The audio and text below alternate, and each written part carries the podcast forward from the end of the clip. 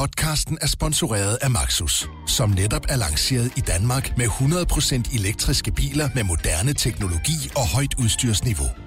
Find din forhandler på maxus-danmark.dk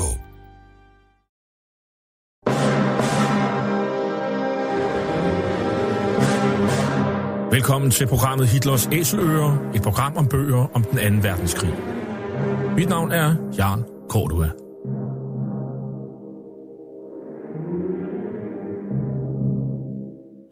Den anden verdenskrig blev indledt den 1. september 1939 med det nazistiske Tysklands overfald på Polen. Der var tale om en racistisk erobringskrig, der kostede mellem 55 og 70 millioner mennesker livet, og hvor nazisterne systematisk myrdede jøder, romager, slaviske befolkningsgrupper, politiske modstandere og alle andre, der ikke lige passede ind i deres forestillinger om et ensartet folkefællesskab. Nazisterne de blev i årene efter krigen dømt ved krigsforbryderdomstolen i Nürnberg, og flere af deres organisationer, såsom nazistpartiet NSDAP, SS og Gestapo, de blev stemplet som ulovlige forbryderorganisationer. I den her serie, som vi har valgt at kalde for Hitlers Æsler, præsenterer vi nogle af de mange bøger, som i disse år udkommer om den anden verdenskrig. Her er Pressens Radioavis. Vi gentager i denne udsendelse bekendtgørelsen om den militære undtagelsestilstand i Danmark. Efter oplæsningen af bekendtgørelsen følger forskellige praktiske vejledninger. Den øverste faldende for de tyske tropper i Danmark lod i nat kl. 4.10 over Ritzau's Bureau udsende følgende bekendtgørelse om militær undtagelsestilstand i Danmark. De sidste begivenheder har vist, at den danske regering ikke mere er i stand til at opretholde ro og orden i Danmark.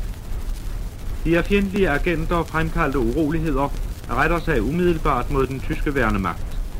Jeg proklamerer derfor i henhold til artiklerne 42-56 i herøver landkrigsordningen den militære undtagelsestilstand i hele Danmark. Den tyske øverstbefalende bekendtgørelse fortsætter. Ja, vi hører her pressens radiovis fra den 29. august 1943, en øh, mærkedag under besættelsestiden, hvor de danske politikere afbrød samarbejdspolitikken med den tyske besættelsesmagt efter nye tyske krav, der så i konsekvens af dette simpelthen angreb danske kaserner og sømilitære havneanlæg for at sætte det danske militær helt ud af spillet, og i øvrigt også bemægtige sig dets våben. Det lykkedes ikke helt. Før alt dette skete, var gået en lille måneds tid med uroligheder over hele landet. Især i større provinsbyer som Esbjerg, Odense, Aalborg, Svendborg, men også i nogen grad Aarhus og til sidst endda i København. Disse uroligheder med demonstrationer og ny håndfast opsætsighed over for den tyske værnemagt fik store konsekvenser for den samarbejdspolitik, som i tre år med yrt med den brede befolkningsopbakning ellers havde sikret nogenlunde ro i landet. Urolighederne, der i flere tilfælde førte til skyderier og slagsmål mellem danskere og tyske soldater, kom Tysklands fører Adolf Hitler for øre. Og han krævede nu blandt andet tyske standretter og dødsstraf for danske sabotører, hvilket viste sig at være uacceptabelt selv for de ellers pragmatiske danske samarbejdspolitikere. Urolighederne i august 43 og de heraf afledte dramatiske konsekvenser, ja, de førte til det, som eftertiden har kaldt for augustoprøret, og netop augustoprøret 1943, Danmarks skæbnesommer, ja, det er jo titlen på en ny bog, der er udkommet her i 2020 på forlaget Lindhardt og Ringhof. Og forfatteren, det er dig, Simon Kratholm Ankergaard, historiker og journalist, og i øvrigt også podcaster omkring historie. Du har blandt andet skrevet en øh, meget ros bog om genforeningen i 1920, den kom sidste år, og så er du medvært på historiepodcasten Vild med Historie. Velkommen til programmet, Simon. Tusind tak skal du have. Og øh, vi skal jo starte med at, at høre, øh, hvorfor du har skrevet en, øh, en bog, som du jo, som vi hørte før, i undertitlen kalder for Danmarks skæbne sommer. Ja, altså man kan sige, øh, i mange, mange, mange år siden jeg var en øh, stor knægt, har jeg interesseret mig meget for besættelseshistorien og for 2. verdenskrig. Det skyldes jo nok primært, det må jeg indrømme, min mormor og morfar. Min morfar var modstandsmand i Helsingør, øh, i en øh, lille gruppe deroppe sammen med sin storebror Gunnar. Øh, og de havde en aftale i gruppen om, at øh, hvis nogen af i gruppen blev taget øh, og kom under tortur, så skulle man opgive navnene på dem i gruppen, der var ugifte og barnløse.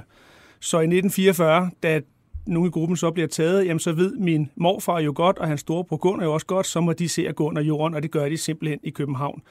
Og i København, der møder min morfar, mens han er under jorden, en ung pige på 17 år, der så ender med at blive min mormor. Så ud af besættelsen, så kom der i hvert fald et, øh, et ægteskab og øh, nogle forældre, og senere nogle bedsteforældre. Og jeg har jo øh, nyt og dyrket den fortælling, og jeg har fået min morfar øh, til at fortælle rigtig, rigtig meget. Jeg har fået min mormor til at fortælle rigtig, rigtig meget.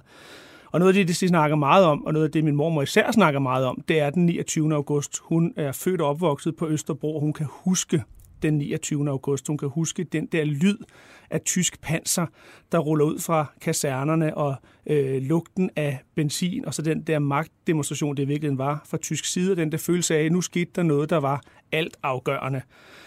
Og da jeg så begyndte jo, efter jeg blev freelancer, efter jeg ligesom begyndte at dykke ned i historien og blive den en, en formidler af de store historiske fortællinger, så vidste jeg godt på et eller andet tidspunkt bliver nødt til at tage livtag med de store dramatiske begivenheder under besættelsen. Og der står 29. august jo som en fuldstændig skilsættende dato. Og så tænkte jeg, hvad var det egentlig, der ledte op til den her skilsættende dato? Og det satte jeg mig så for at undersøge med, med den her bog. Og hvad er det så for nogle øh, kilder, som du, du bygger din øh, beskrivelse af augustoprøret på? Ja, altså jeg er jo ikke ude at lave, lave nyforskning eller finde nogle øh, revolutionerende ting. Jeg, jeg bygger det meget på eksisterende øh, værker, og så bygger jeg det rigtig, rigtig meget på øh, lokalarkiver. Noget af det, jeg godt kan lide at gøre, det gør jeg i den her bog, og det gjorde jeg også i, i genforeningsbogen, som du var så flink at nævne lige før. Det er, at jeg tager nogle øh, centrale aktører, og så bruger jeg dem som motor i fortællingen. Og det betød jo også, fordi det her det sker ude i provinsen, det sker i Esbjerg, Odense, Aalborg, Aarhus, at jeg var derude og dykke ned i nogle af de lokale arkiver. Blandt andet har møder vi øh, senere Karl Halsten, øh, vicepolitikommissæren over i Esbjerg. Hans personlige arkiv sad jeg og gennemtrålede øh, i dagevis for at, at se, hvad han, hvad han havde af overlevering fra den tid, hvad han selv havde tænkt, hvad han selv havde skrevet eller slået af papir. Så, så, så eksisterende værker omkring det her, øh, lokale historiske arkiver, så har jeg selvfølgelig, det bliver jeg også nødt til at sige, jeg har lænet mig meget op af Hans Kirchhoffs trebindsværk om Augustoprøret 1943, hans doktordisputats fra øh, 79, mener jeg det er. Et gigantværk, mammutværk, altså virkelig øh, måske masterværket, hvad det, hvad det her angår. Og det vil sige, at din øh, beskrivelse er sådan set lidt mere populær historisk. Ja. At, det vil være fair at sige det på den måde. Fuldstændig Og fair. så er der jo også kommet andre bøger, nye bøger. Der er kommet biografi om, om Werner Best, som, jeg, også, som du også nævner. Ja, som Nils Biver Danielsens bog, ja, den, den har jeg også lænt mig, lænt, lænt mig meget op af, og så har den Nils Biver jo også lavet de her, øh, det bliver, ender med at blive et firebindsværk, men øh, indtil videre tre bind om den danske modstandsbevægelse. Man må jo rose din bog for øh, billedmateriale. Det er jo en, øh, en, en meget stor bog. Det er ikke sådan en helt coffee table format, men derhen af. Og, øh, og der er jo en, øh, en hel masse billeder, der faktisk øh, fotodokumenterer stort set alt øh, det, du beskriver. Altså, og det, det, det er meget detaljeret. Det er, jo, det er jo slagsmålene på gaden. Det er øh, øh, skyderier. Det er tyskere, der simpelthen øh, skyder øh, på befolkningen osv. Så, så det, øh, det, hvor, hvor stammer det øh, billedmateriale fra? Meget af det stammer faktisk, og det er også en, en kærkom lejlighed til at gøre lidt reklame for Frihedsmuseets omfattende arkiv. De har virkelig, virkelig mange billeder. De ligger derude. De er stort set frit tilgængelige. Et imponerende billedmateriale ligger der. Øh, meningen med bogen var, udover at give den en, en øh, dokudramatisk genfortælling, en populær historisk genfortælling, så var det også at gøre den her fortælling visuel. Og der har vi jo heldigvis fundet ualmindelig mange billeder. Nogle af dem er jo klassiske, ikoniske, dem kender vi.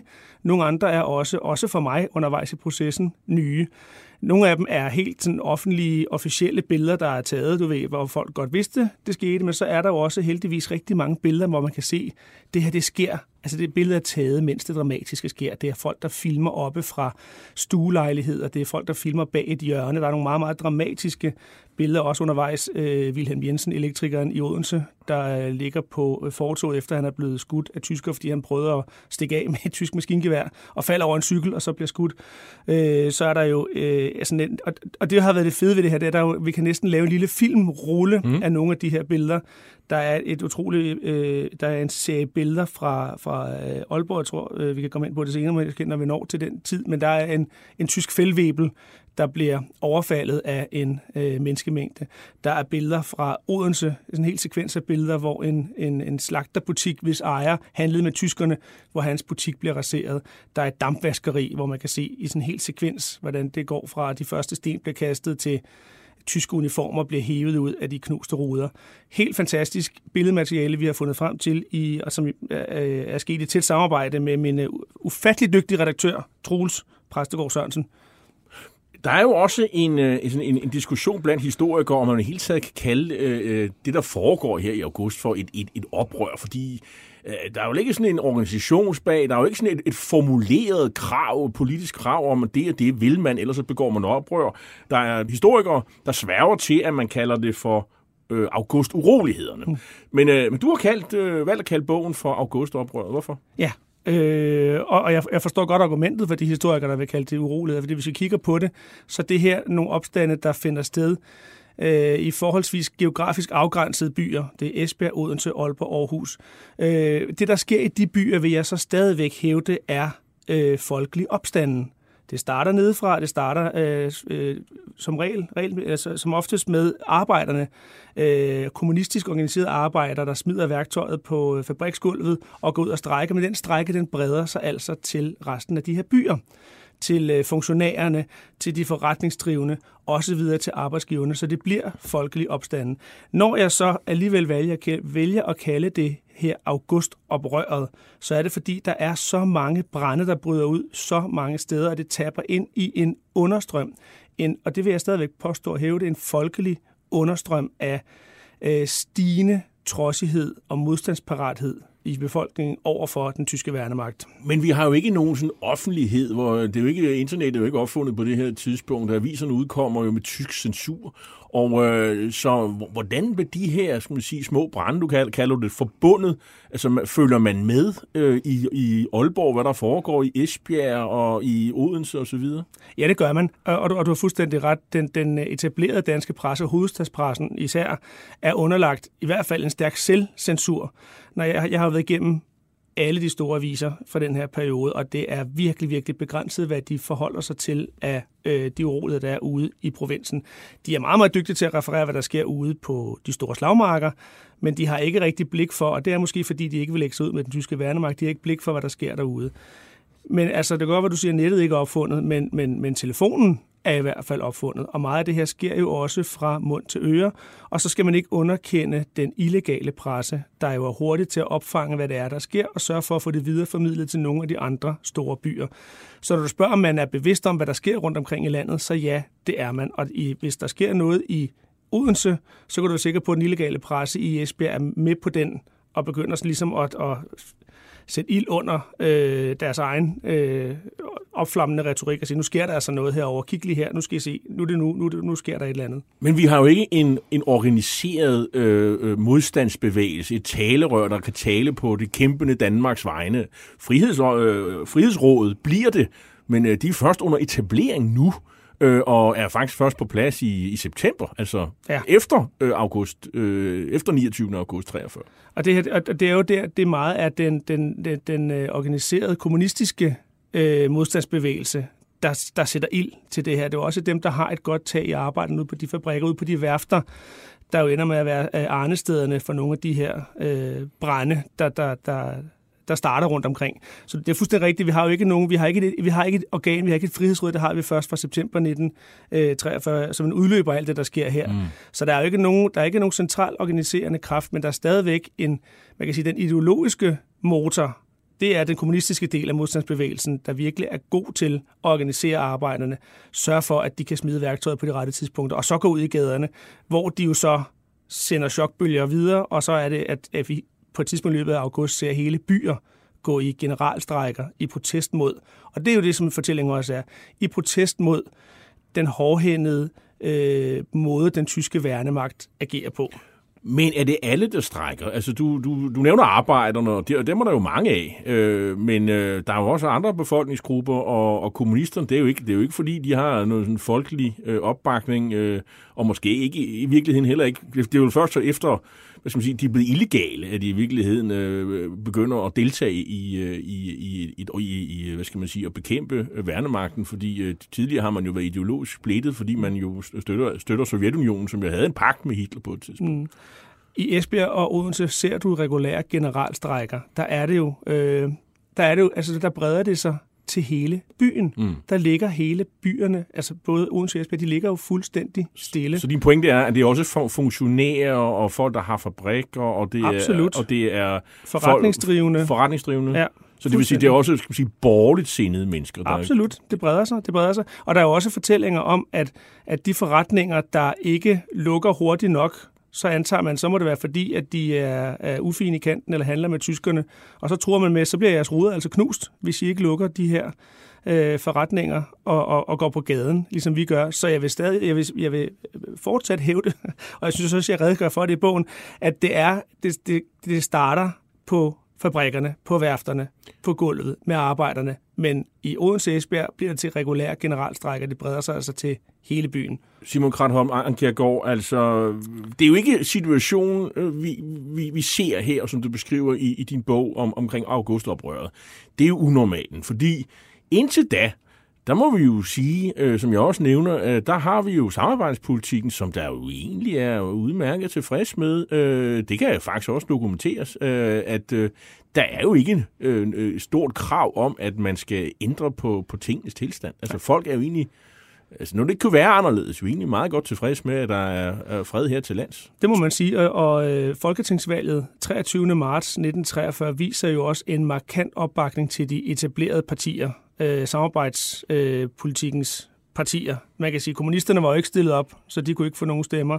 Og øh, de mere højre radikale, DNSAP, øh, Bundepartiet, de, de får ikke nær så mange øh, stemmer. Der er, jo, der er jo i Danmark, trods alt det har der været, også i mellemkrigstiden, en tro på og en opbakning til demokratiet som sådan. Du har fuldstændig ret, at samarbejdspolitikken bliver jo også en form for hverdag, også for borgerne. Så der er jo, altså det, hverdagen, det her det er unormalen, og det er også derfor, det her er et spændende, en spændende måned at gå ned i.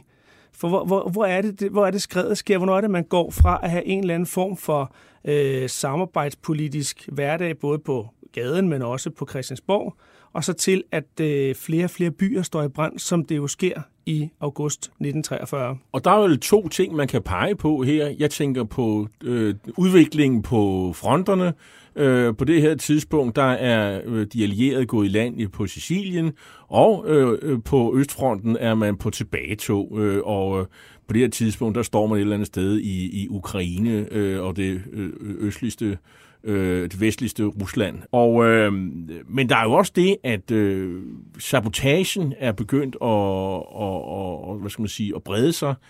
SOE øh, er i gang med aktiviteter. Man har ved at organisere en egentlig øh, modstandsbevægelse.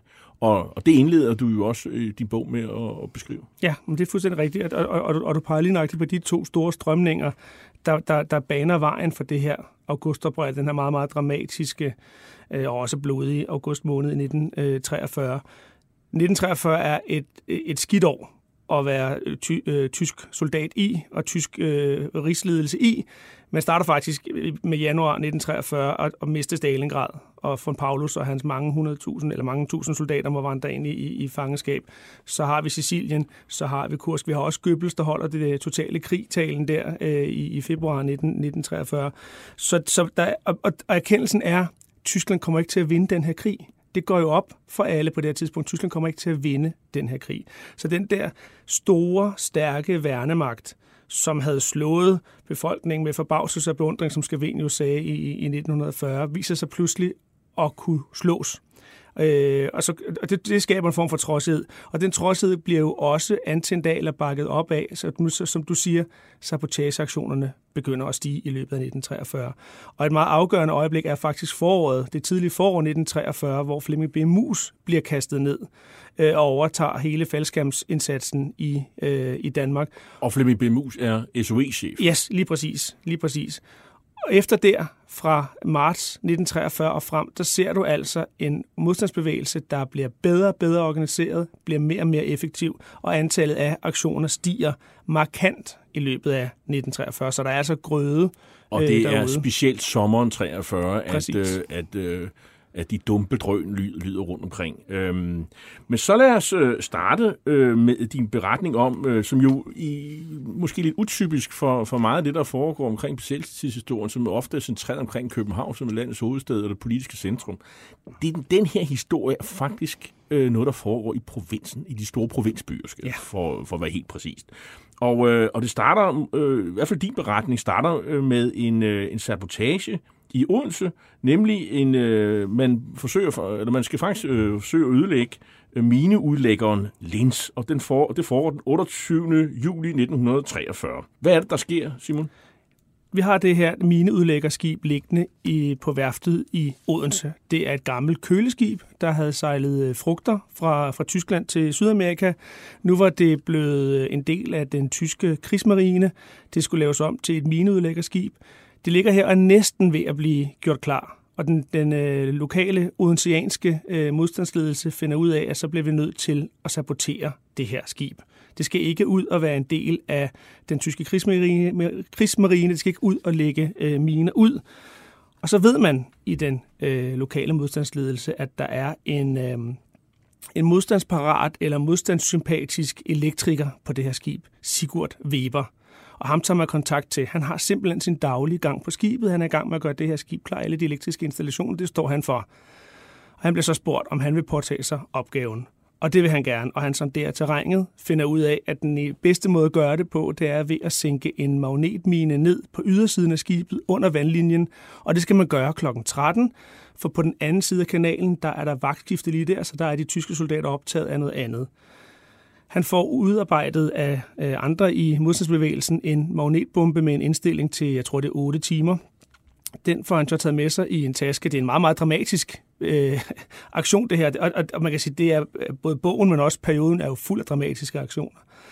Han tager sin taske med øh, på værftet på arbejde en af dagene. Han kan bare køre igennem porten, det kender. Man vinker bare til portneren, stiller tasken i omklædningsrummet, går ombord på skibet, har så tænkt sig at hente den der taske, når de kl. 11 har øh, frokostpause.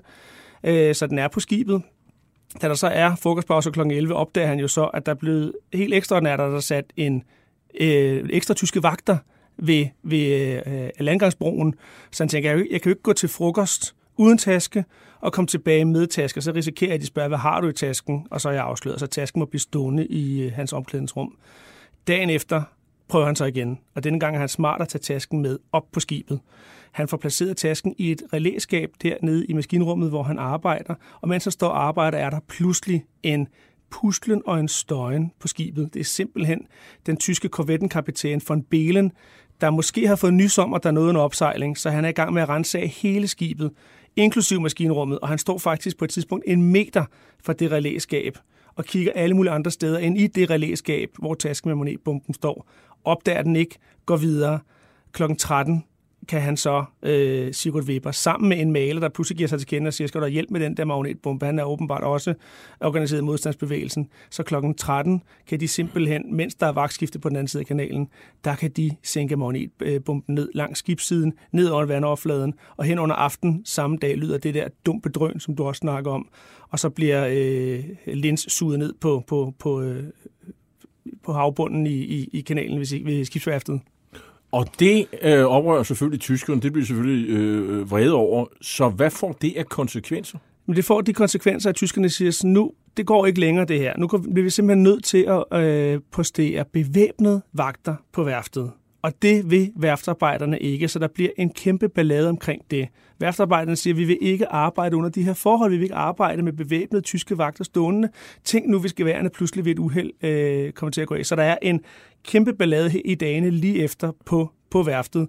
Øh, de truer med at nedlægge arbejdet, tyskerne får lukket værftet, og så er det jo så, at det begynder i dagene efter at brede sig til resten af Odense. Og det kulminerer med, at øh, omkring 4.000 odenseaner strækker den, den 4. august. Og det er også her, at der at du også laver nogle skift til, hvad der foregår sådan egentlig på det nationale plan i København, fordi øh, nu er begynder øh, den tyske værnemagt, øh, som jo egentlig er, er har to repræsentanter, der øh, ikke sige, de bestemmer lige meget, men vi har jo den rigsbefuldmægtige, som jo er en ambassadør med meget udvidet magtbeføjelser, nemlig Werner Best, som jo den her SS-mand, som jo er blevet sendt til Danmark for at, ligesom at holde styr på det her mønsterprotektorat, og han har været der i, i ni måneder ungefær.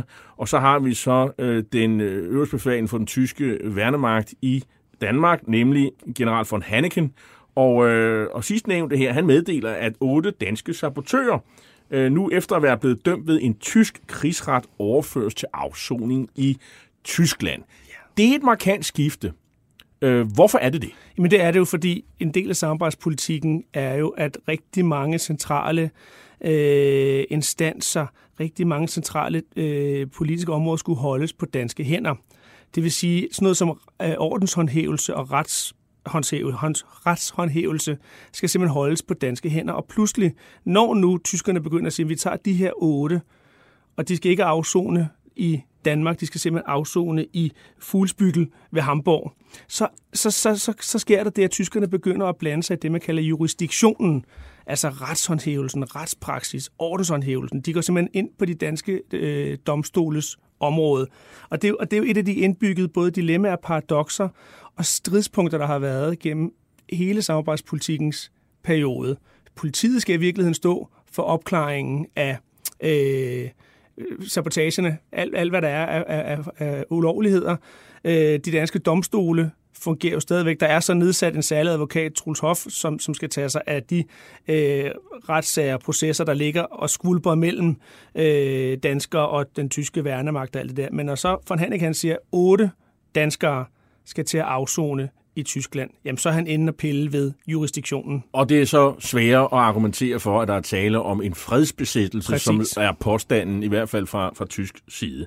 Øh, mens øh, at de her strækker så småt er ved at gå i gang i, i, i Odense, jamen så tager vi et øh, sceneskift til, øh, til Esbjerg.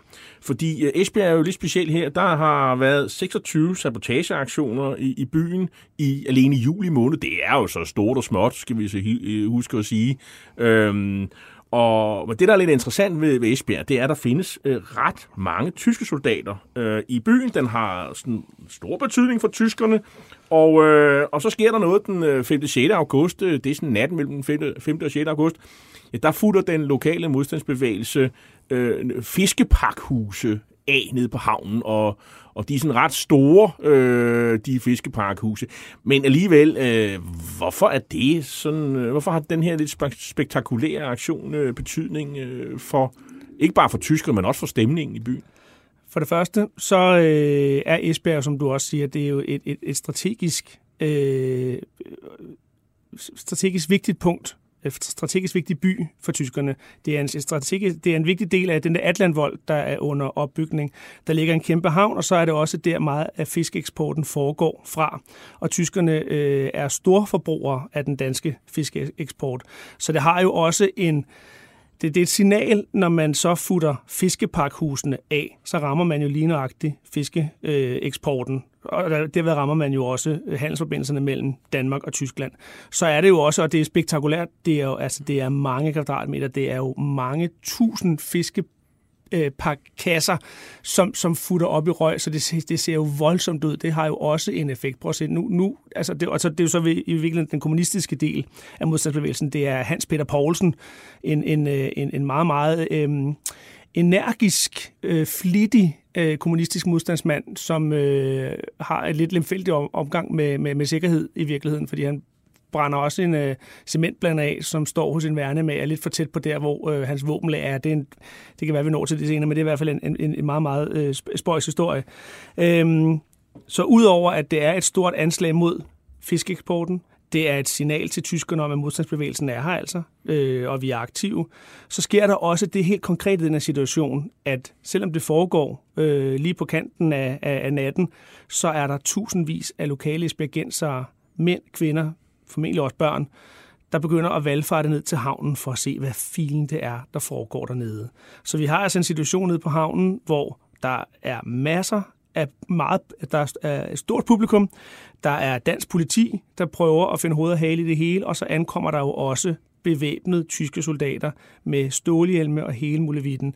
Og det udvikler sig her til nogle optøjer mellem øh, det, der virker som meget presset tyske soldater, og den her befolkning, som er nysgerrige og måske også øh, ser det her som en lejlighed til at, at, at, at vise sig lidt, øh, du ved... Kække. Ja, kække. Fryd, fryd for jer, tyskere. Nu står vi her og kigger på det. Så tyskerne begynder faktisk på nogle tidspunkter at skubbe meget voldsomt, også med geværkoblerne, nogle af de her øh, civile tilbage, og øh, øh, både mænd og kvinder vælter om på, på havnekajen, og det, og det er ret voldsomt. Så, og det i, i det her sådan, så, skal man sige, lidt ophedede miljø, der er, øh, som du lige har beskrevet, der har vi nogle centrale folk. Det er den øh, konstitu- konstituerede lokale chef for politiet, der hedder Karl Halsten, og øh, byens tyske øh, kommandant og i øvrigt også marinedistriktschef Oskar Stekkelberg, der skal holde styr på de cirka 7.000 tyske soldater, hvilket er mange i den her øh, forholdsvis øh, lille by. Øh, og øh, hvordan lykkedes de ligesom med at, at få, skal man sige, holde gemytterne nede? Som med mange af de andre fortællinger fra nogle af de andre byer, så er det her et kompliceret politisk spil, der sker samtidig med, at der er en masse drama i gaderne.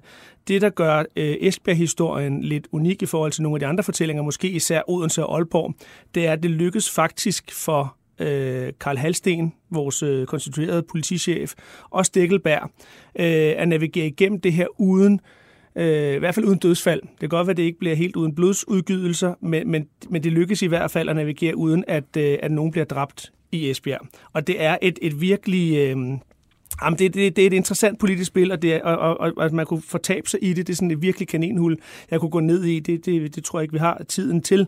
Men det lykkes i hvert fald for dem øh, at samarbejde om at få løst det her. Det er ikke det samme som, at det her det forløber fuldstændig udramatisk. Det, det, det gør det ikke. Altså, der er virkelig optøjer. Der er øh, danskere, der overfalder tyskere, der er tyskere, der overfalder øh, danskere, der er marinesoldater, der, der går igennem gaderne. Og så er der i midten, og det er jo en, en, en generel fortælling gennem det hele. I midten har vi det danske politi, der skal agere i det her. De skal på den ene side værne øh, danskerne, og på den anden side, så skal de jo så sørge for, at, at, at, at de gør det så ordentligt, så tyskerne ikke pludselig går ind og siger, ved du hvad, vi overruler jer, nu ordner vi det hele selv. Det er en penibel situation, den gode Karl Halsten er sat i med sine folk i Esbjerg. Og øh, vi kan lige sådan øh, rulle nogle af de ting, der, der, der sker undervejs igennem her. Der er på, på et tidspunkt, så er, er der jo krav om undtagelsestilstand, øh, og, og og, og så det bryder folk, de går ud og, og, og laver ballade, og de synger, og, og, og der er også slagsmål, og så, og så må man jo så have et skærpet udgangsforbud på et tidspunkt, og så må ham halvsten ud og, meddele sig ved en, en højtalervogn øh, og køre rundt. Og så er der bombeattentater, øh, blandt andet på en, øh, en kaffebar, øh, som jo også tyske soldater frekventerer, og så er der slagsmål. Og der sker også de her som sige, tiltag til noget, der minder om sådan lynchaktioner mod tyske soldater. Og, og det er ved at gå galt øh, ved, ved, ved i hvert fald mindst en lejlighed. Og der er det, tyskerne siger, vi, at vi har de her øh, maskingevær, som vi stiller op. Og, øh, og der er der simpelthen en ultimatum til det dansk politi om, enten får I styr på tingene, ellers begynder vi at skyde. Ja, Lige præcis. Og der har vi altså nogle meget, meget dramatiske aftener og nattetimer, hvor øh, politiet, det lokale politi, med, med noget opbakning fra andre steder, blandt andet kommer der øh, nogle politifolk ned for Aarhus, men Karl Halsten, han kæmper altså med sine folk i de her aftener og nattetimer, øh, med at holde de her parter adskilt. Og, og, og, og det lykkes jo altså med hårdt arbejde at sørge for, at, at, at det sker, men det er højdramatisk i Esbjerg. Og det er også noget, der får opmærksomhed i København. Altså, Absolut. At det her, det, det er ved at gå helt galt i, øh, i, øh, i, øh, i Esbjerg, og det tager man alvorligt. Det gør man. Det gør man. Vi har jo øh, nævnt ham tidligere, Troels Hoff, der er øh, advokat for særlige anlægner.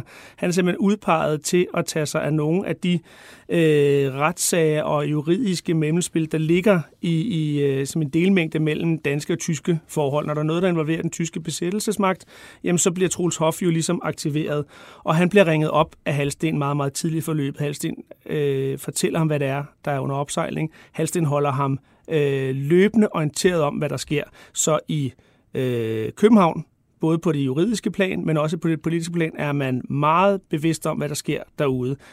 Og det er man jo også i, i forhold til øh, optøjerne i Odense efter attentatet på Lens. Det er jo ikke sådan, så, så det er sådan et vakuum. Det, det, det der sker derude, det, er vi ikke, det, det, det kan vi ikke forholde os til. Det ved man, og man ved jo også godt, det er alvorligt, og det bliver jo også diskuteret i politiske kredse. Der er strække i Esbjerg fra, fra den 9. august, og, og det får man så, øh, de får, øh, sige, det er jo så arbejdsmarkedets parter, og specielt fagbevægelsen, og det er nok den socialdemokratiske del, vi må fremhæve her, som, som kæmper for at få det ligesom bragt til ende. Og det, det, det, det sker ikke uden sværslag, lad os sige det på den måde. Og den 9. august, øh, det er også der, hvor Skavenius øh, i København på et ministermøde siger til sine minister, at han går med overvejelser om at lade sin regering trække sig tilbage. Altså, og hvorfor gør han det? Altså nu er vi 20 dage før, at øh, det hele brager løs med den 29. august. Ja. Allerede der øh, er det, står det klart for Skavenius, at vi har et problem. Ja, det gør det. Øh, og det. Og det gør det, fordi at man kan sige, men han ved selvfølgelig ikke, at der kun er cirka 20 dage tilbage af hans regerings levetid. Det, man kan jo ikke forudse i fremtiden, hvad det angår. Man kan godt se, at nu begynder der at ske så meget derude, som det er sværere og sværere for os at holde styr på. Så har vi hele den her, det her øh, øh, spøgelse af øh, afsoning i Tyskland. Altså hvad, hvad, er, hvad, altså, hvad, hvad er de næste træk, tyskerne kommer med.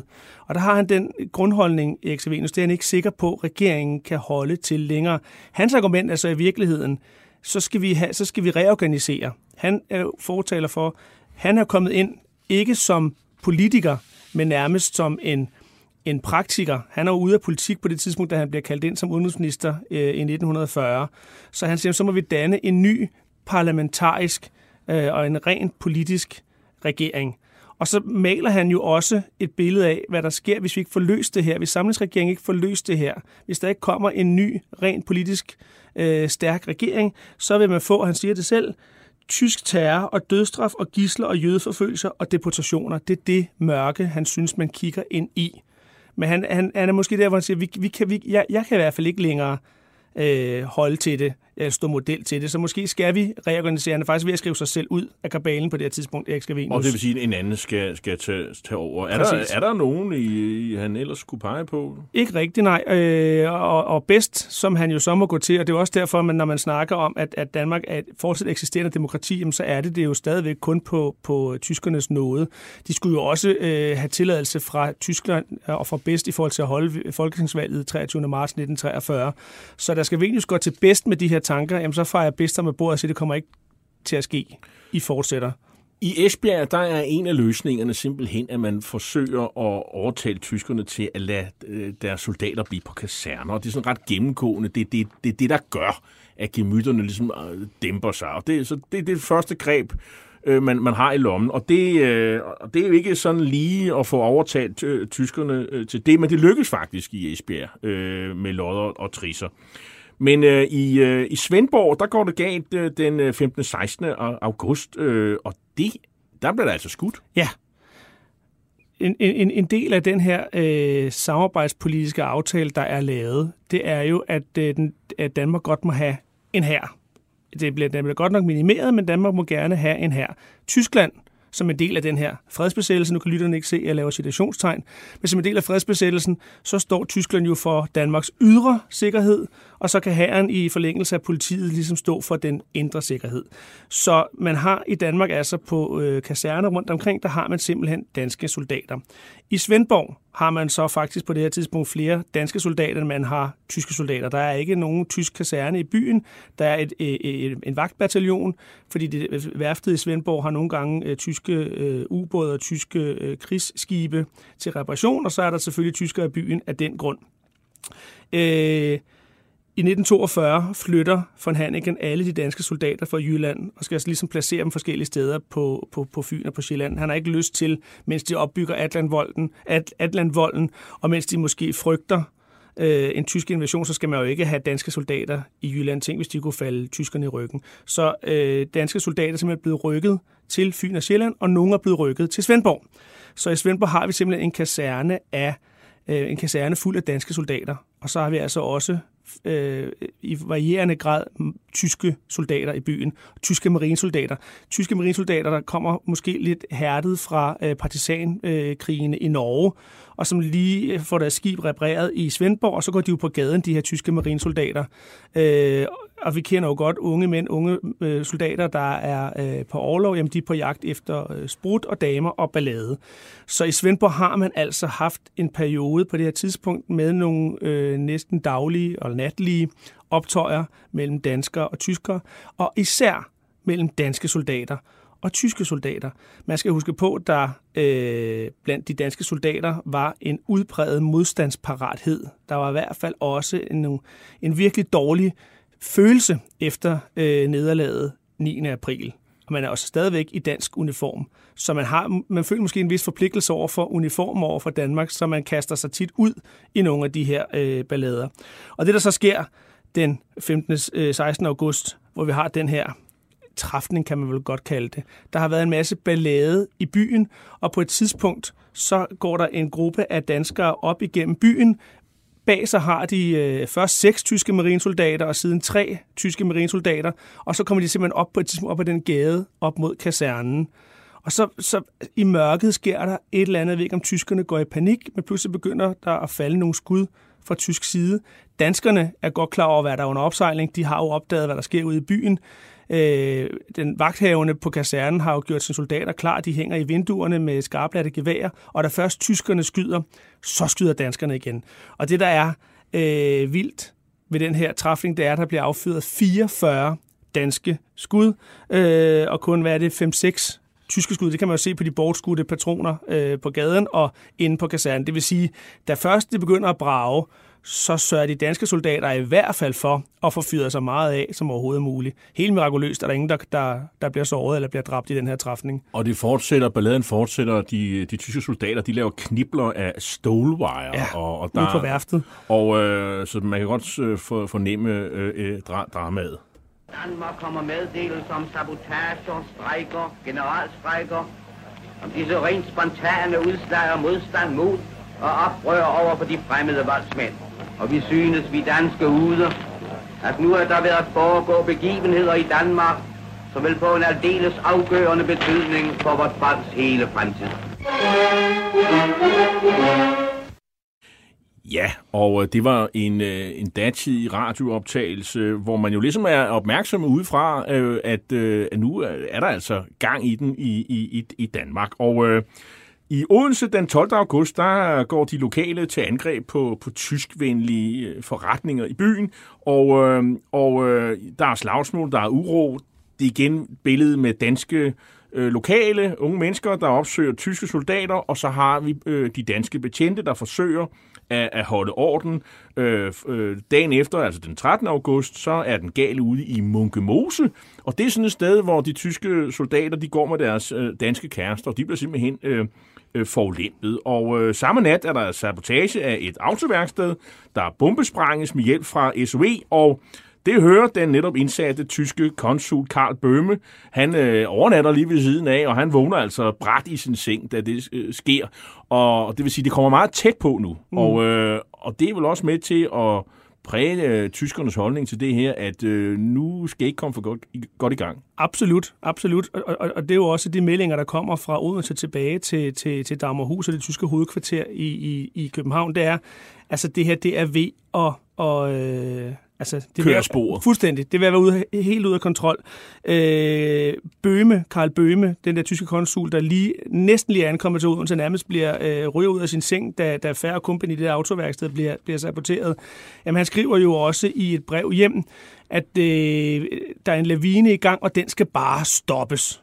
Øh, og det må, man sidder jo også, når man er både tysker og dansker på det her tidspunkt, med en følelse af, at der er noget voldsomt i gang. Altså, der er, der, aftener, nætter er jo fulde af, af de her optøjer, og der er hele det her, som du også siger, Munke Mose øh, intermezzo, hvor, hvor danskere er på jagt efter tyske soldater i byen, ikke rigtig kan finde nogen, og så er nogen, der siger, hey, prøv at kigge over i, i, i Munke Mose, der går de tyske soldater tit på øh, rundt med deres danske kærester, og så tager de jo derover og begynder at smide tyskere i vandet, der bliver slagsmål hister her. Man kan ikke lade være med at tænke, at hvis det havde sket mange andre steder i de besatte lande, øh, som Tyskland på det tidspunkt har, har øh, regeret over, kan man sige, så vil konsekvenserne, repressalierne være voldsomme. Ja. Og, øh, og det sker trods alt ikke. Nej. Øh, men, øh, og, og, men det er også noget, der stiller enormt store krav til ikke mindst øh, de danske politifolk, som jo nok også taber noget autoritet. For eksempel den 17. august, der bliver, og det er stadigvæk uden, så bliver en cyklende mand sparket ned af en tysk soldat og overfaldet andre øh, sol, tyske soldater. Og så er der en, en, en dansk politimand, der forsøger ligesom at, at lægge sig imellem, øh, og han, han får simpelthen også øh, tæsk. Og, øh, og så har vi jo også, ligesom vi øh, hørte om øh, ned fra, fra, fra Svendborg, altså Byen er fyldt med danske soldater, fordi der er øh, danske soldater på Odense Kaserne. Og, øh, og så har du nærmest en cocktail øh, til at, øh, eller en krud til at sådan en krudtøn, den simpelthen kan øh, blive fyldt af, og det hele kan øh, inde i et stort kaos. Det, altså det danske politi er jo i en virkelig knibe i, i den her periode. Altså de, de, øh, de er, står over for en tysk værnemagt, som er stærkere og langt bedre bevæbnet, end de er. De har en dansk befolkning, der også er i bevægelse. De står der i midten mellem det hele og skal prøve ligesom at... Ja, i Byggebro skal de jo ikke, men de skal simpelthen sørge for at, få optøjerne slået ned. Og det her, øh, du snakker om den 17. august, og politimanden, der, han går selv med en cykel i den ene hånd, og så sit politiskilt i den anden hånd, og siger til de her tyske soldater, at de skal stoppe med det der. Og han har jo ingen, i den situation har han jo ingen autoritet og ender med at blive, øh, som du også siger, tæsket af de her tyske soldater. Så det er et høj grad et spørgsmål om det danske politis formåen og autoritet på det her tidspunkt. Og de lokale politimestre, de kæmper hårdt for at finde den rette måde at takle det her på. Men det er som om, at øh, den tyske reaktion her øh, også får en modreaktion. Det, det kommer vi jo sådan set til allerede ved, at der bliver jo den 18. august. For inden der har byens myndigheder, det er jo så en socialdemokratisk borgmester, og hvem der ellers er, de har forsøgt at få den tyske kommandant, han hedder Weiss, til at lade sine soldater blive på kasernen. Altså lidt det samme greb, vi så nede i, i, i Esbjerg. Øh, og så har vi jo så også kommunister i spil, blandt andet den øh, så kendte øh, Ib Nørlund, der sidenhen blev øh, det kommunistpartiets chefideolog. På det her tidspunkt er han sådan en lokal skribent, øh, der skriver for illegale blade. Og, og kommunisternes øh, skal man sige, øh, dagsorden her, det er at få en generalstrække på plads. Hvad, hvad, hvad, og, og, og, og, og, og hvad er ellers formålet at få en generalstrække? Jamen altså, formålet for kommunisterne, det er jo, at der skal gang i gaden mm. i virkeligheden. Øh, Ibn Ørlund er jo et fantastisk øh, karakter øh, at beskæftige sig med. Han øh, sad i den øh, øverste kommunistiske ledelse øh, før 41, hvor øh, Operation Barbarossa sørger for, at kommunisterne bliver interneret. Øh, kommunistpartiet bliver øh, ulovligt gjort. Han ryger selv i, øh, i Horserød-lejren, og i sommeren 42, helt spektakulært, så stikker han jo af i en tunnel, der er gravet ud under hegnet, og så dukker han op i Odense. Og det er altså en mand, der er midt i 20'erne, skal ja, vi lige ja, sige. Det, det er en forholdsvis ung mand på det her tidspunkt. Øh, og så dukker han så op i Odense, og så sidder han jo som en del af den kommunistiske modstandsledelse i Odense, og så er han redaktør for Trods Alt, som er den kommunistiske illegale avis i området. Og hans øh, ambition er klar. Altså, der skal simpelthen Øh, han skal sætte så mange gnister, han kan til det her bål. De vil rigtig gerne have den her generalstrække. Det, der jo faktisk sker, er mens den kommunistiske ledelse sidder og diskuterer det her og ved at udarbejde en eller anden illegal resolution, der skal opildne til generalstrække, jamen så er det som om, at begivenhederne overhaler dem indenom. Man får simpelthen den her folkelige bevægelse, den her generalstrække nærmest før øh, kommunisterne får meldt ud, at det er det, de også gerne vil have ordentligt. Og det er så de, de, den socialdemokratiske del af fagbevægelsen, øh, de, de mister simpelthen kontrollen. Øh, der er igen den her strække fører til øh, uro skyderi i Odenses indre by. Der er flere lokale, der bliver skudt. Og igen, det er kvinder, der går med tyskerne, og så nazisympatisører, der får smadret deres forretninger og bliver forulempet. Og, øh, og det kalder jo på en tysk reaktion. Øh, og, det, øh, og der får man jo overført en, en SS-bataljon, der hedder Rolm, Øh, og det øh, lyder lidt øh, østeuropæisk. Øh, hvad er det for en SS-bataljon? Hvad, hvad skal de, og hvad kan de? Jamen, den hedder jo Rolm, fordi den er opkaldt efter en by øh, syd for Leningrad, hvor den har været indsat øh, blandt andet til partisanbekæmpelse. Så det er altså nogle fronthærdede SS-politisoldater. Øh, det er fløj, fløjtshandskerne, der bliver taget af, eller Det må man sige. Det må man sige. Altså, det, det er jo et klart signal fra tysk side ved at, at flytte den her SS-bataljon til Odense. Og senere hen i løbet af august, så bliver den jo flyttet rundt der, til de steder, hvor der virkelig er øh, store øh, folkelige ildebrænde. Så det er, sådan en, det er jo sådan et, det, det er sådan et, et trusselsværktøj, de har, tyskerne. Det, der jo er interessant i det her, det er jo, at fløjshalskerne bliver taget af. Tyskerne har brug for at vise noget handlekraft. Men du ser jo også stadigvæk, at man fra både dansk officiel side, altså fra politisk side, fra øh, de etablerede fagforeningers side, men også fra tysk side faktisk prøver at forhandle. Man vil, altså, man vil gerne løse de her konflikter derude. Til Odense bliver der jo også sendt både øh, Udenrigsministeriets direktør Svendingsen, arbejdsminister Kjærbøl, øh, Kranstein, Paul Kranstein, der er leder af de tyske politistyrker i, i Danmark, bliver også sendt afsted. Så man har jo altså flere, flere forskellige spil kørende på samme tid. Man har øh, det fysiske, den fysiske manifestation med SS-bataljonen Holm. Man har nogle forhandlinger, der foregår, men, men de foregår jo i et lag, som virker øh, afkoblet fra, hvad der sker på gaden i virkeligheden. Der er jo rigtig mange eksempler i løbet af august på, at der bliver forhandlet politisk, men, men, men, men der er ikke nogen bundklang i befolkningen. Det fortsætter jo på gadeplan med nogle af de her optøjer. Blandt andet den 19. august er der uroligheder og skyderier, og der er der altså fire lokale, der bliver ramt af skud, og, og det er også noget, man, man vælter biler og sådan noget. Det er jo ikke, øh, altså, det er virkelig øh, øh, voldsomt. Og, og så er der jo en, en fatal begivenhed, kan man jo sige, ved det, at der er en tysk løjtnant, der hedder Wieseler. Han er meget, meget tæt på at blive lynchet. Og øh, det er jo faktisk sket før, men, øh, men den her gang er det anderledes, fordi det kommer simpelthen Adolf Hitler for øre. Og det får jo sådan set nogle konsekvenser for, hvordan tyskerne ser på det her. Jamen, det gør det. Øh, og det gør det jo, når vi nærmer os øh, slutspillet her i, i løbet af august 1943. Det er rigtigt nok, det er en meget, meget voldsom begivenhed. Ham, det Wiesler, han, altså, han befinder sig jo pludselig øh, Øh, alene, og der er den her meget, meget ophidsede folkemængde, der forfølger ham. Han skyder advarselsskud, han prøver også at skyde, hvor han nærmest sigter mod, øh, mod befolkningen. Sidst han ikke flere skud i, i pistolen, og så kommer den her befolkning, og man kan se, at de vælter sig øh, over ham. Og på et tidspunkt, øh, det dramatiske højdepunkt kommer, da en gruppe danskere kommer slæbende med et ordentligt jerndæksel, sådan en, en, en, en rest, øh, Øh, for at tyre det ned over hovedet på den her stakkels mand, og det vil han jo ikke overleve. Og der er det faktisk en lokal mand, en modstandsmand faktisk, Børge Poulsen, han er så bror til Hans Peter Poulsen, manden bag fiskepakbrændende. Han siger så stop, stop, stop. Det, det, er jo, det er jo ikke ham her, det er jo ikke den tyske soldat som sådan, vi er imod. Han siger, at det er jo Gestapo, vi er imod. Det er hans argument. Og så bliver Wiesler taget ind i en ambulance, kørt afsted fuldstændig øh, forslået. Men det er slemt nok. Tænk, hvis, øh, hvis manden var, var død øh, så kan man jo næsten ikke forestille sig, hvad repressalierne kunne Præcis. Øh, og det er jo også slemt nok i sig selv. Det her det er jo ydmygelsen af den tyske soldat. Og det, som der er i det, nu lægger jeg så kimen til, til det, der bliver slutspillet senere hen, det er, det her, den her øh, episode bliver overværet formentlig af en tæt på Hitler, Walter Frenz, som er en øh, meget, meget øh, berømmet, ikonisk øh, filmfotograf. Fotograf. Han overværer det her, og senere hen i august, så sidder han til bords med Hitler, og så fortæller han jo faktisk om den her episode.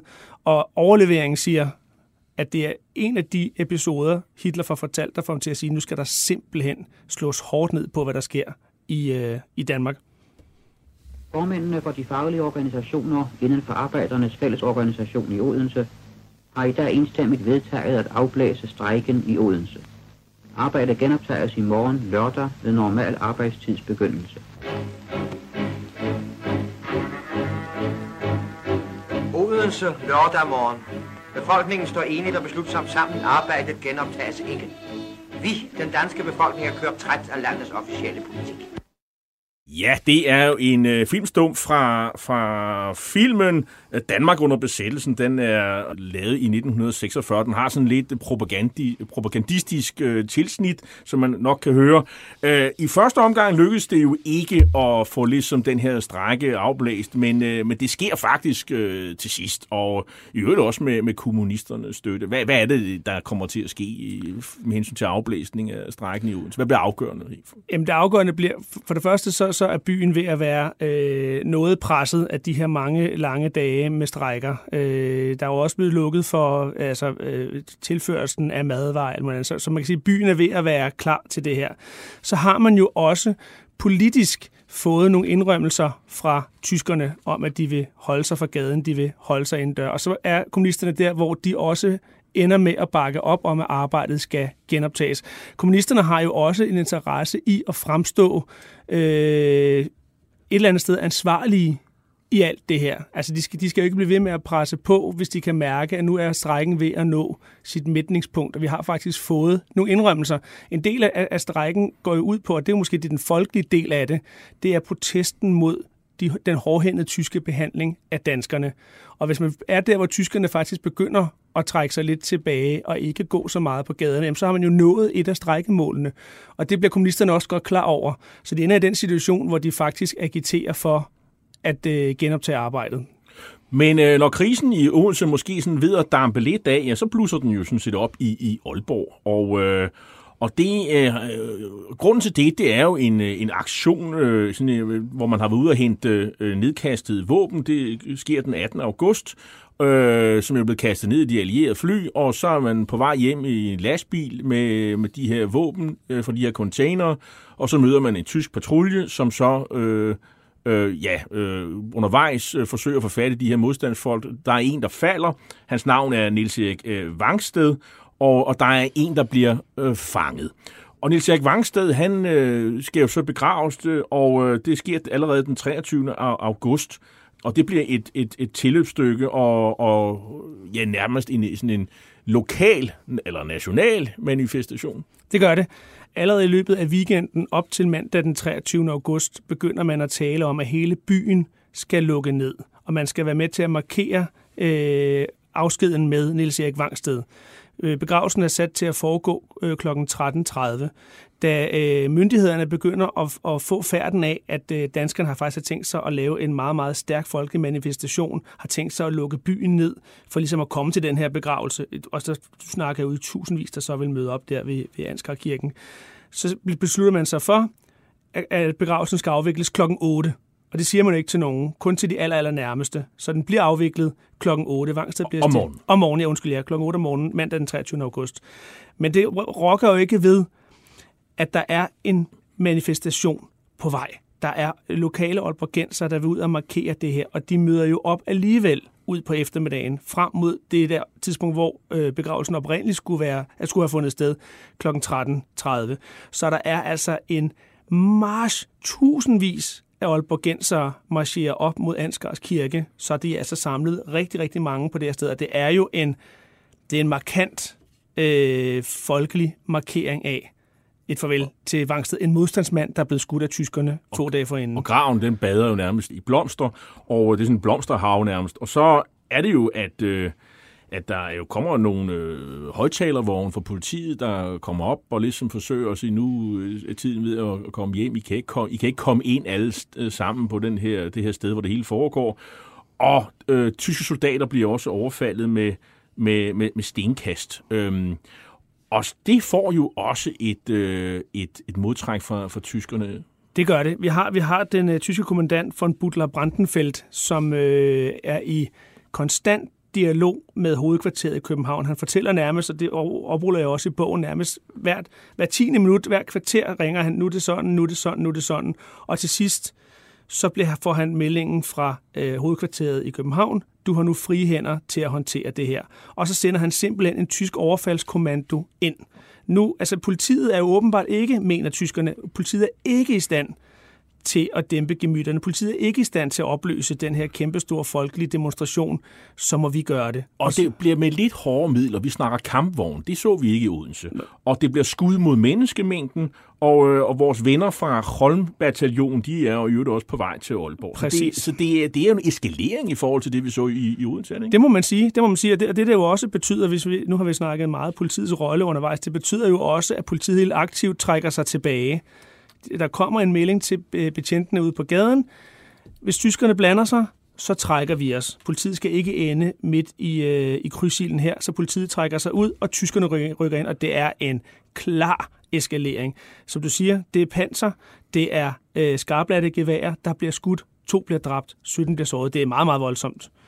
Og øh, dagen efter, den 24. Øh, august, jamen, så er der jo offentlig møde i en grusgrav. Men forinden der tager en, øh, en tysk fældvæbel, og det er sådan en øh, oversergeant, øh, vi husker, med en trukken pistol, pludselig en dansk mand øh, som gissel, fordi han føler sig truet. Og der er så en dame, der går til angreb med sin håndtaske. Det er jo igen meget spektakulært. Øh, øh, tyskeren han overfaldes af menneskemængden, men, men reddes faktisk af, af danske øh, politifolk.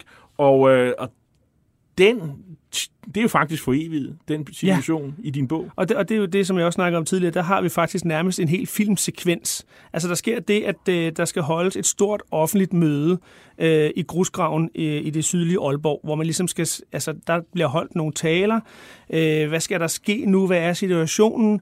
Det er en, øh, en, øh, et, et stormøde, som er øh, godkendt af politiet. Politiet øh, skal nok øh, guide folkene dernede, de skal nok også guide dem hjem. Mødet bliver faktisk øh, øh, holdt i god orden, men på vej derned, der er jo flere tusind Aalborgenser, der er på vej igennem gaderne. Ja, 15.000 deltagere. Ja, lige præcis. Og på et tidspunkt har vi den her situation, hvor en tysk feltvæbel, igen den her øh, en, en mand, der pludselig står i en menneskemængde. Og den her tyske feltvæbel, han går formentlig lidt i panik. Og så er det, han gør det, som du fortæller. Han tager simpelthen en dansk mand som gissel. Og det skaber jo i nogle sekunder, nogle nervepirrende sekunder, dramatiske sekunder i den her situation, hvad skal der ske? Og så sker der det, og det har vi billeder af i bogen. En dame med håndtasken, der går ind og tæsker på tyskeren. Tyskeren slipper manden, og så bliver han jo så overfaldet, den stakkels tysker. Politiet må opløse hele det her, øh, alle de her, ja, hele den her situation. Og så de sidste par billeder, det er jo, og det kan man også tydeligt se på billederne, en meget, meget vaklende tysk soldat, der bliver fuldt væk fra det her. Men her dør der ikke nogen, øh, og man må sige, øh, det er jo helt enestående mod sådan kvinde, der går amok med en, med en håndtaske. Ja. Der er jo sådan, man får næsten tanker på Margaret Thatcher eller noget af stil. Men øh, øh, på et andet tidspunkt, øh, samme dag, der går det jo faktisk øh, værre, fordi der er en anden feltvæbel, der øh, så skyder en civil dansker, og det er efter sådan en, en formentlig en mundtlig batalje, øh, hvor det ene ord tager det andet, og han har måske også følt sig truet af en menneskemængde, det hævder han i hvert fald, og der øh, dør danskeren, han bliver simpelthen skudt, og, øh, og, øh, og så efter det her folkemøde, vi talte om, så er der jo herværk på tyske biler, der er rudeknusninger, og øh, du beskriver en, en historie om en tysk lastbil, der muligvis kører forkert, og så overfaldes af danskere med, med stenkast, og det ender jo med et tysk maskingevær i gaderne og håndgranater mod civile. Så det, det er jo nok der, hvor man må sige, så bliver det ikke værre øh, i den her omgang. Fire bliver dræbt, 15 bliver såret, og, øh, og så har vi jo regeringen, der jo forsøger til det sidste hold sammen på stumperne med den her erklæring, der oplæses i radioen. Under den tyske besættelse, der nu varer på fjerde år, har det været uundgåeligt, at der af og til er opstået visse gnidninger. I den sidste tid er der indtrådt begivenheder af faretruende karakter. Sabotage er øvet i stigende omfang. Demonstrationer er forekommet forskellige steder, og der er gjort forsøg på at bringe jernbaner og offentlige værker til stansning. Med denne dybt alvorlige situation for øje, retter regeringen og samarbejdsudvalget med tilslutning af de samarbejdende partiers rigsdagsgrupper en indtrængende opfordring til den danske befolkning om ikke på nogen måde at udæske til eller lade sig udæske til uoverlagte handlinger, men bevare ro, besindighed og sammenhold. Ja, man kan næsten fornemme desperationen her. Øh, Simon Kratholm Ankergaard, det er jo en, en anmodning om, øh, prøv nu at, at, at slappe af, øh, for, før det går helt galt. Og lige mens man prøver måske at få tingene til at, at, at dæmpe sig lidt, så sker der øh, en af de mest spektakulære øh, aktioner overhovedet øh, under hele øh, besættelsestiden, nemlig at Forum ude på Frederiksberg øh, bliver sprængt i, i luften. Øh, hvad gik den aktion ud på, og, og hvad fik det af betydning? Forum er på det her tidspunkt øh, ved at blive ombygget til et sted, hvor øh, gennemrejsende, det er i hvert fald det, der den officielle forklaring, gennemrejsende tyske soldater øh, kan opholde sig, kan overnatte. Der er ved at blive øh, bygget køjesenge inde i Forum. Der er 2.000 soldater på vej på gennemrejse fra Norge modstandsbevægelsen og andre begynder nok at spekulere i, måske at de her 2.000 soldater ikke på gennemrejse. Måske er tyskerne ved at opruste lidt i Danmark. Der er et eller andet, der er et eller andet stort showdown, der er på vej her. Så øh, Holger Danske øh, beslutter sig for at sabotere forum, og det gør de med den her meget, meget spektakulære øh, aktion den 24. august øh, i dagtimerne. De øh, får nogle mænd ind, for øh, arbejderne sendt ud. Øh, så sker der jo så undervejs, det er også en dramatisk øh, aktion, det sker undervejs, det at en, ham, der skal tænde øh, tændsatsen, han tror, han har fået klarmelding om, at han er den eneste, der er tilbage. Det viser sig så, at der er to af hans kammerater, plus nogle gisler, de har, der også er tilbage. Og den ene af dem når nærmest, altså de når ud i, samtidig med, at det hele det springer i luften. Men det, det, altså, for min net var der i hvert fald meget, meget dramatiske billeder.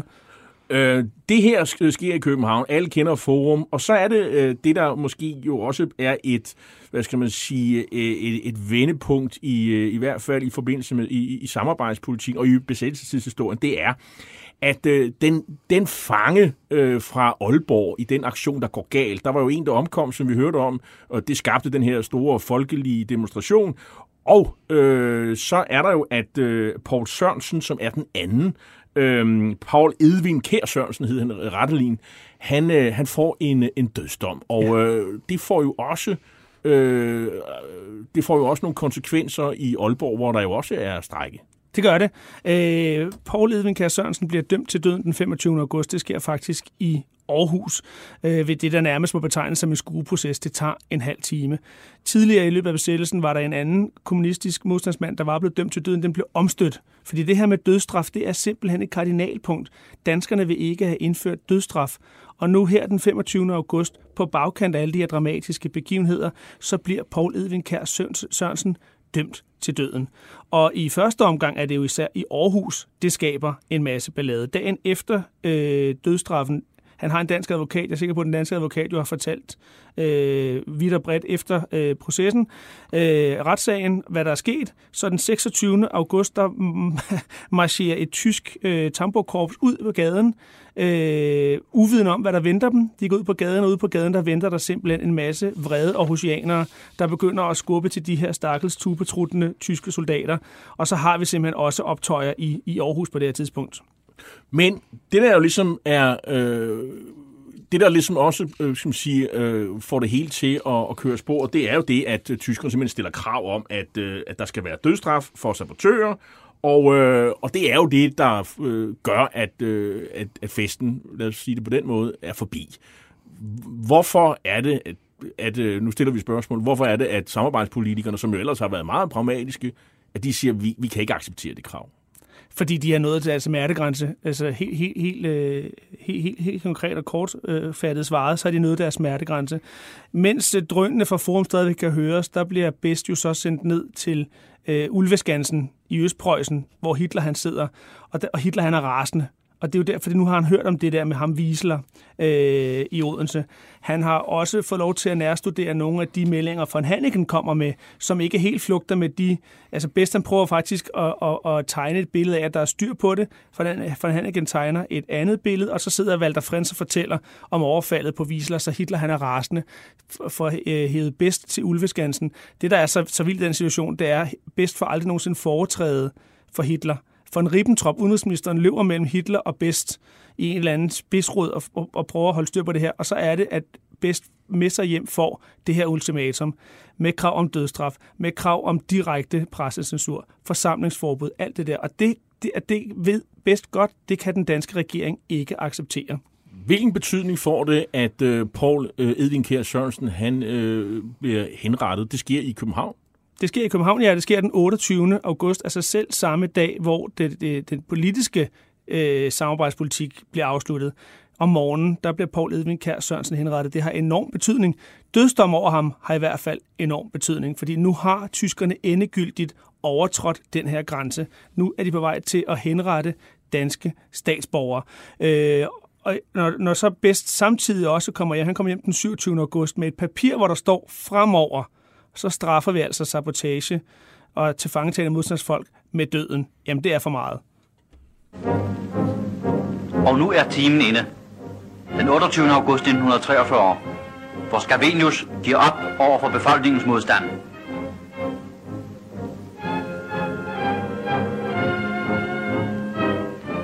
Timen er inde, hvor flertallet af politikerne med forhåndværende statsminister Bull i spidsen vælger at følge befolkningen.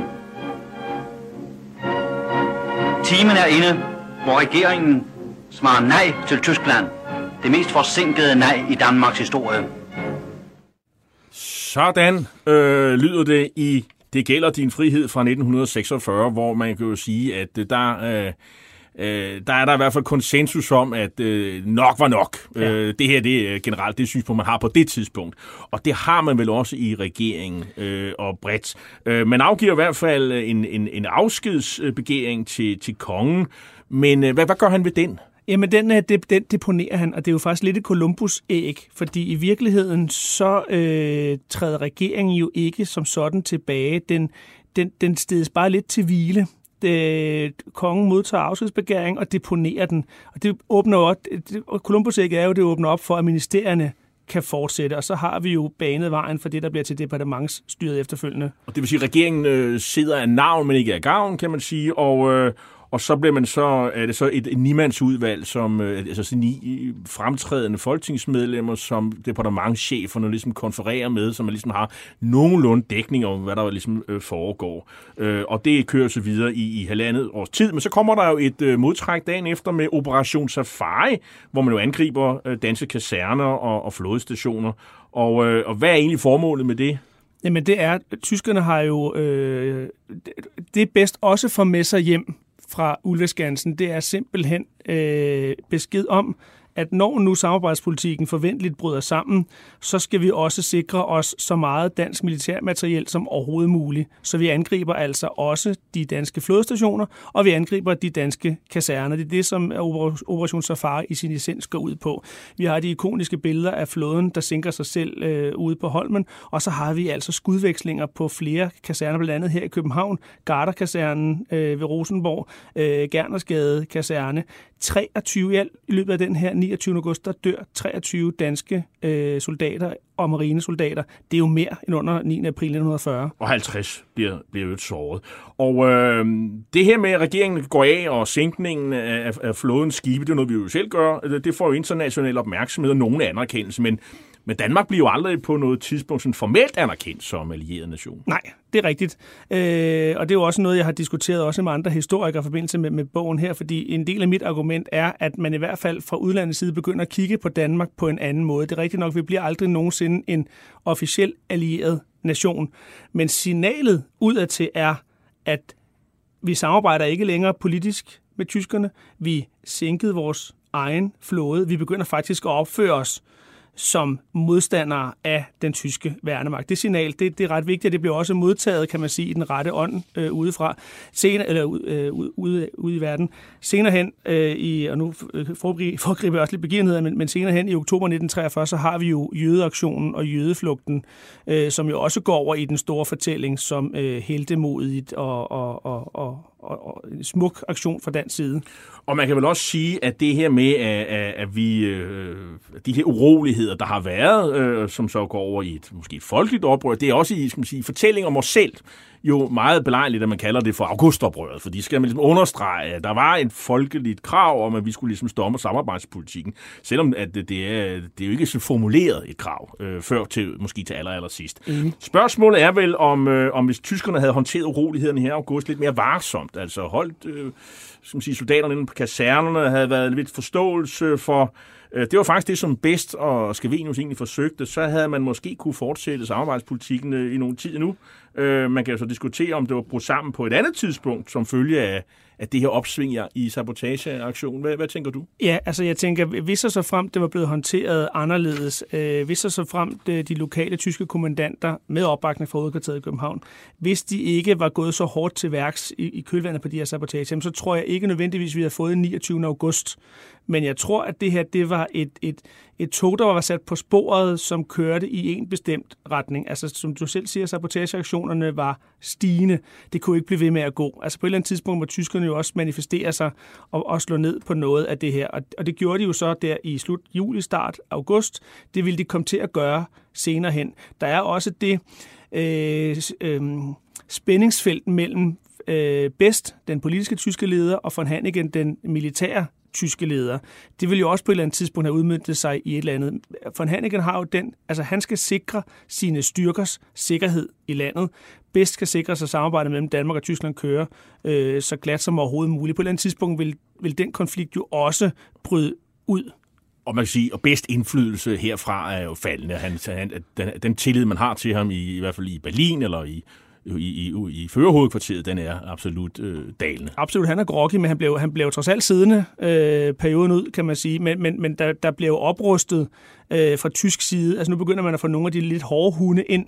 Bovensiben, Panke, øh, til, altså der, og nu er, som du siger tidligere, nu er fløjlshandskerne taget af. Og det er et meget mere blodigt kapitel af besættelseshistorien, som Absolut. starter herfra frem til, øh, frem til befrielsen øh, halvandet år efter. Tak skal du have, Simon Kratholm Ankergaard, historiker, journalist og ikke mindst forfatter til bogen Augustoprøret 1943, Danmarks skæbnesommer, som vi har talt om i dette program. Bogen er udkommet på forlaget Lindhardt og Ringhof. Hitlers Æsler er slut for i dag. I teknikken sad Josefine M. Hansen, og jeg hedder Jarl Cordova, er vært og tilretlægger programmet.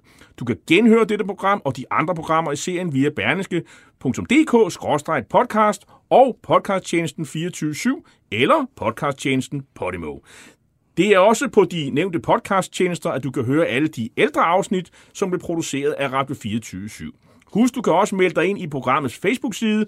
Bare søg på Hitlers Æsler. Vi slutter med revyvisen Dansk Død fra Hornbæk Revyen 1943, hvor Stig Lommer i Amdiris vise ironiserer stærkt over de landsmænd, der beriger sig økonomisk under besættelsen, men måske også sender en lidt lille lidt, lidt venligere hilsen igennem censuren til de danskere, der faktisk står op imod besættelsesmagten. Tak for i dag. Er Hal Kok, professoren har givet ud en vægtig bog om det store, der er lavet i vor lille ravnekrog. Der er bælter i ved andre, det kan tro, det er noget. Har de læst den? Den hedder Dansk Dåd. Der står alle tiders gerning skrevet op. Alle store danske mænd i sluttet trop. Hele Danmarks heltebane, ædle kvinder, tabre mænd. Lige fra fru og Danebod til Alsing Andersen. Borger, bonde, præst og adel i en ædel procession.